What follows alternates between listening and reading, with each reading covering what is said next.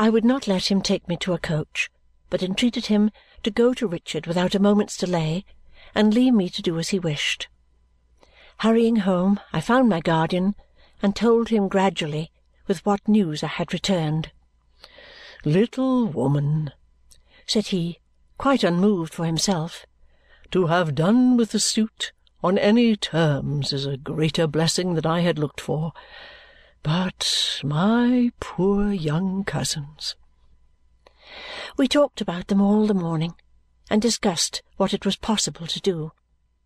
In the afternoon my guardian walked with me to Symond's Inn and left me at the door. I went upstairs. When my darling heard my footsteps, she came out into the small passage and threw her arms round my neck. But she composed herself directly and said that Richard had asked for me several times. Allan had found him sitting in the corner of the court, she told me, like a stone figure.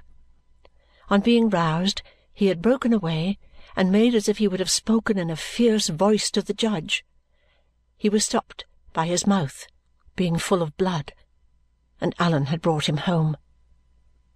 He was lying on a sofa with his eyes closed when I went in.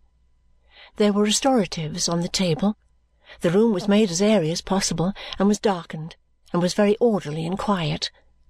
Allan stood behind him, watching him gravely.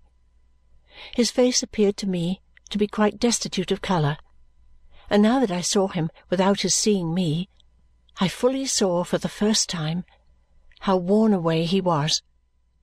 But he looked handsomer than I had seen him look for many a day. I sat down by his side in silence.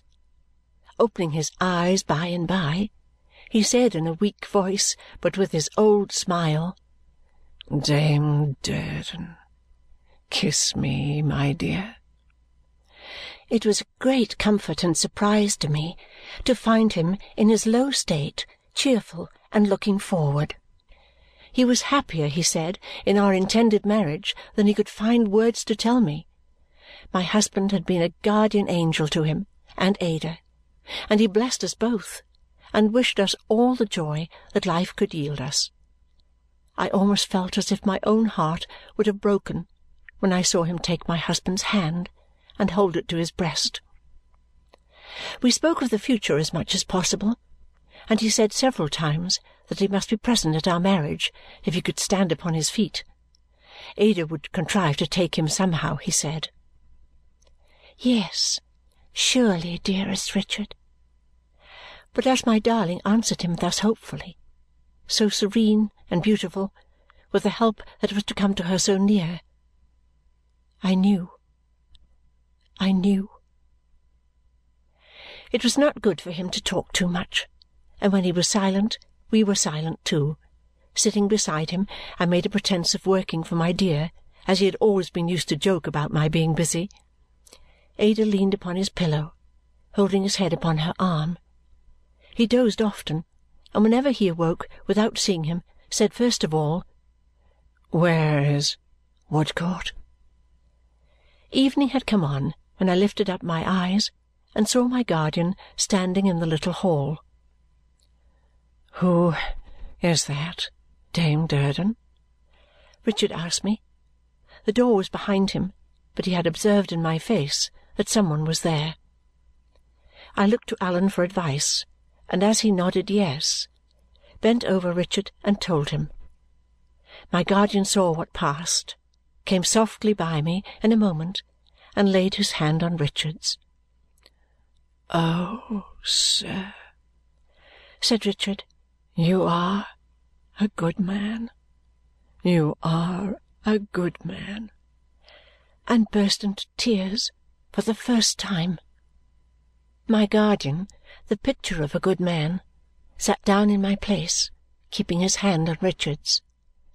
"My dear Rick," said he, "the clouds have cleared away, and it is bright now. We can see now. We were all bewildered, Rick, more or less. What matters? And how are you, my dear boy?" "I am very weak, sir, but I hope I shall be stronger. I have to begin the world. Ay, truly, well said, cried my guardian. I will not begin it in the old way now, said Richard with a sad smile. I have learned a lesson now, sir. It was a hard one, but you shall be assured, indeed, that I have learned it. Well, well, said my guardian, comforting him. Well, well, well, dear boy. I was thinking, sir, resumed Richard, that there is nothing on earth I should so much like to see as their house, Dame Durden's and Woodcourt's house. If I could be removed there when I begin to recover my strength, I feel I should get well there sooner than anywhere. Why, so have I been thinking too, Rick, said my guardian, and our little woman likewise. She and I have been talking of it this very day. I dare say her husband won't object. What do you think? Richard smiled and lifted up his arm to touch him as he stood behind the head of the couch. I say nothing of Ada, said Richard, but I think of her and have thought of her very much. Look at her. See her here, sir, bending over this pillow when she has so much need to rest upon it herself. My dear love, my poor girl. He clasped her in his arms, and none of us spoke. He gradually released her, and she looked upon us, and looked up to heaven, and moved her lips. When I get down to Bleak House, said Richard, I shall have much to tell you, sir, and you will have much to show me. You will go, won't you? Undoubtedly, dear Rick.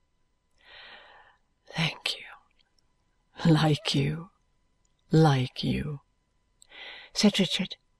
But it's all like you. They have been telling me how you planned it and how you remembered all Esther's familiar tastes and ways. It will be like coming to the old Bleak House again. And you will come there too, I hope, Rick. I am a solitary man now, you know, and it will be a charity to come to see me.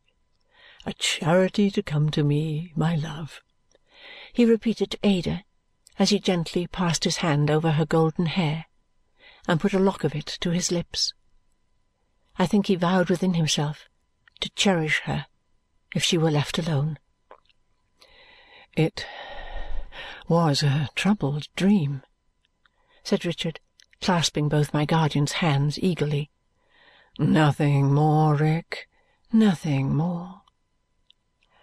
And you, being a good man, can pass it as such, and forgive and pity the dreamer, and be lenient and encouraging when he wakes.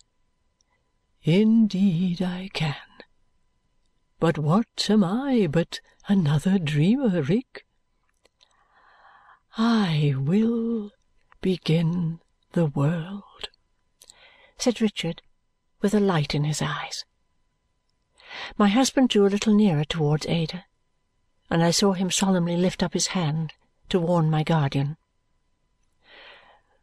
When shall I go from this place to that pleasant country where the old times are, where I shall have strength to tell what Ada has been to me, where I shall be able to recall my many faults and blindnesses, where I shall prepare myself to be a guide to my unborn child, said Richard.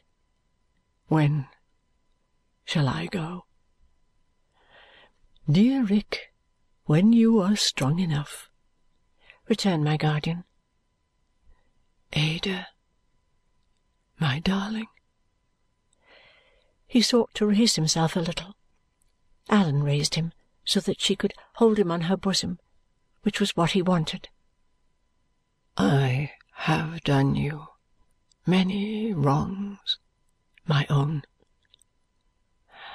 I have fallen like a poor stray shadow on your way. I have married you to poverty and trouble. I have scattered your means to the winds. You will forgive me all this, my Ada, before I begin the world. A smile irradiated his face as she bent to kiss him. He slowly laid his face down upon her bosom, drew his arms closer round her neck, and with one parting sob began the world. Not this world. Oh, not this. The world that sets this right. When all was still, at a late hour, poor crazed Miss Flite came weeping to me and told me she had given her birds their liberty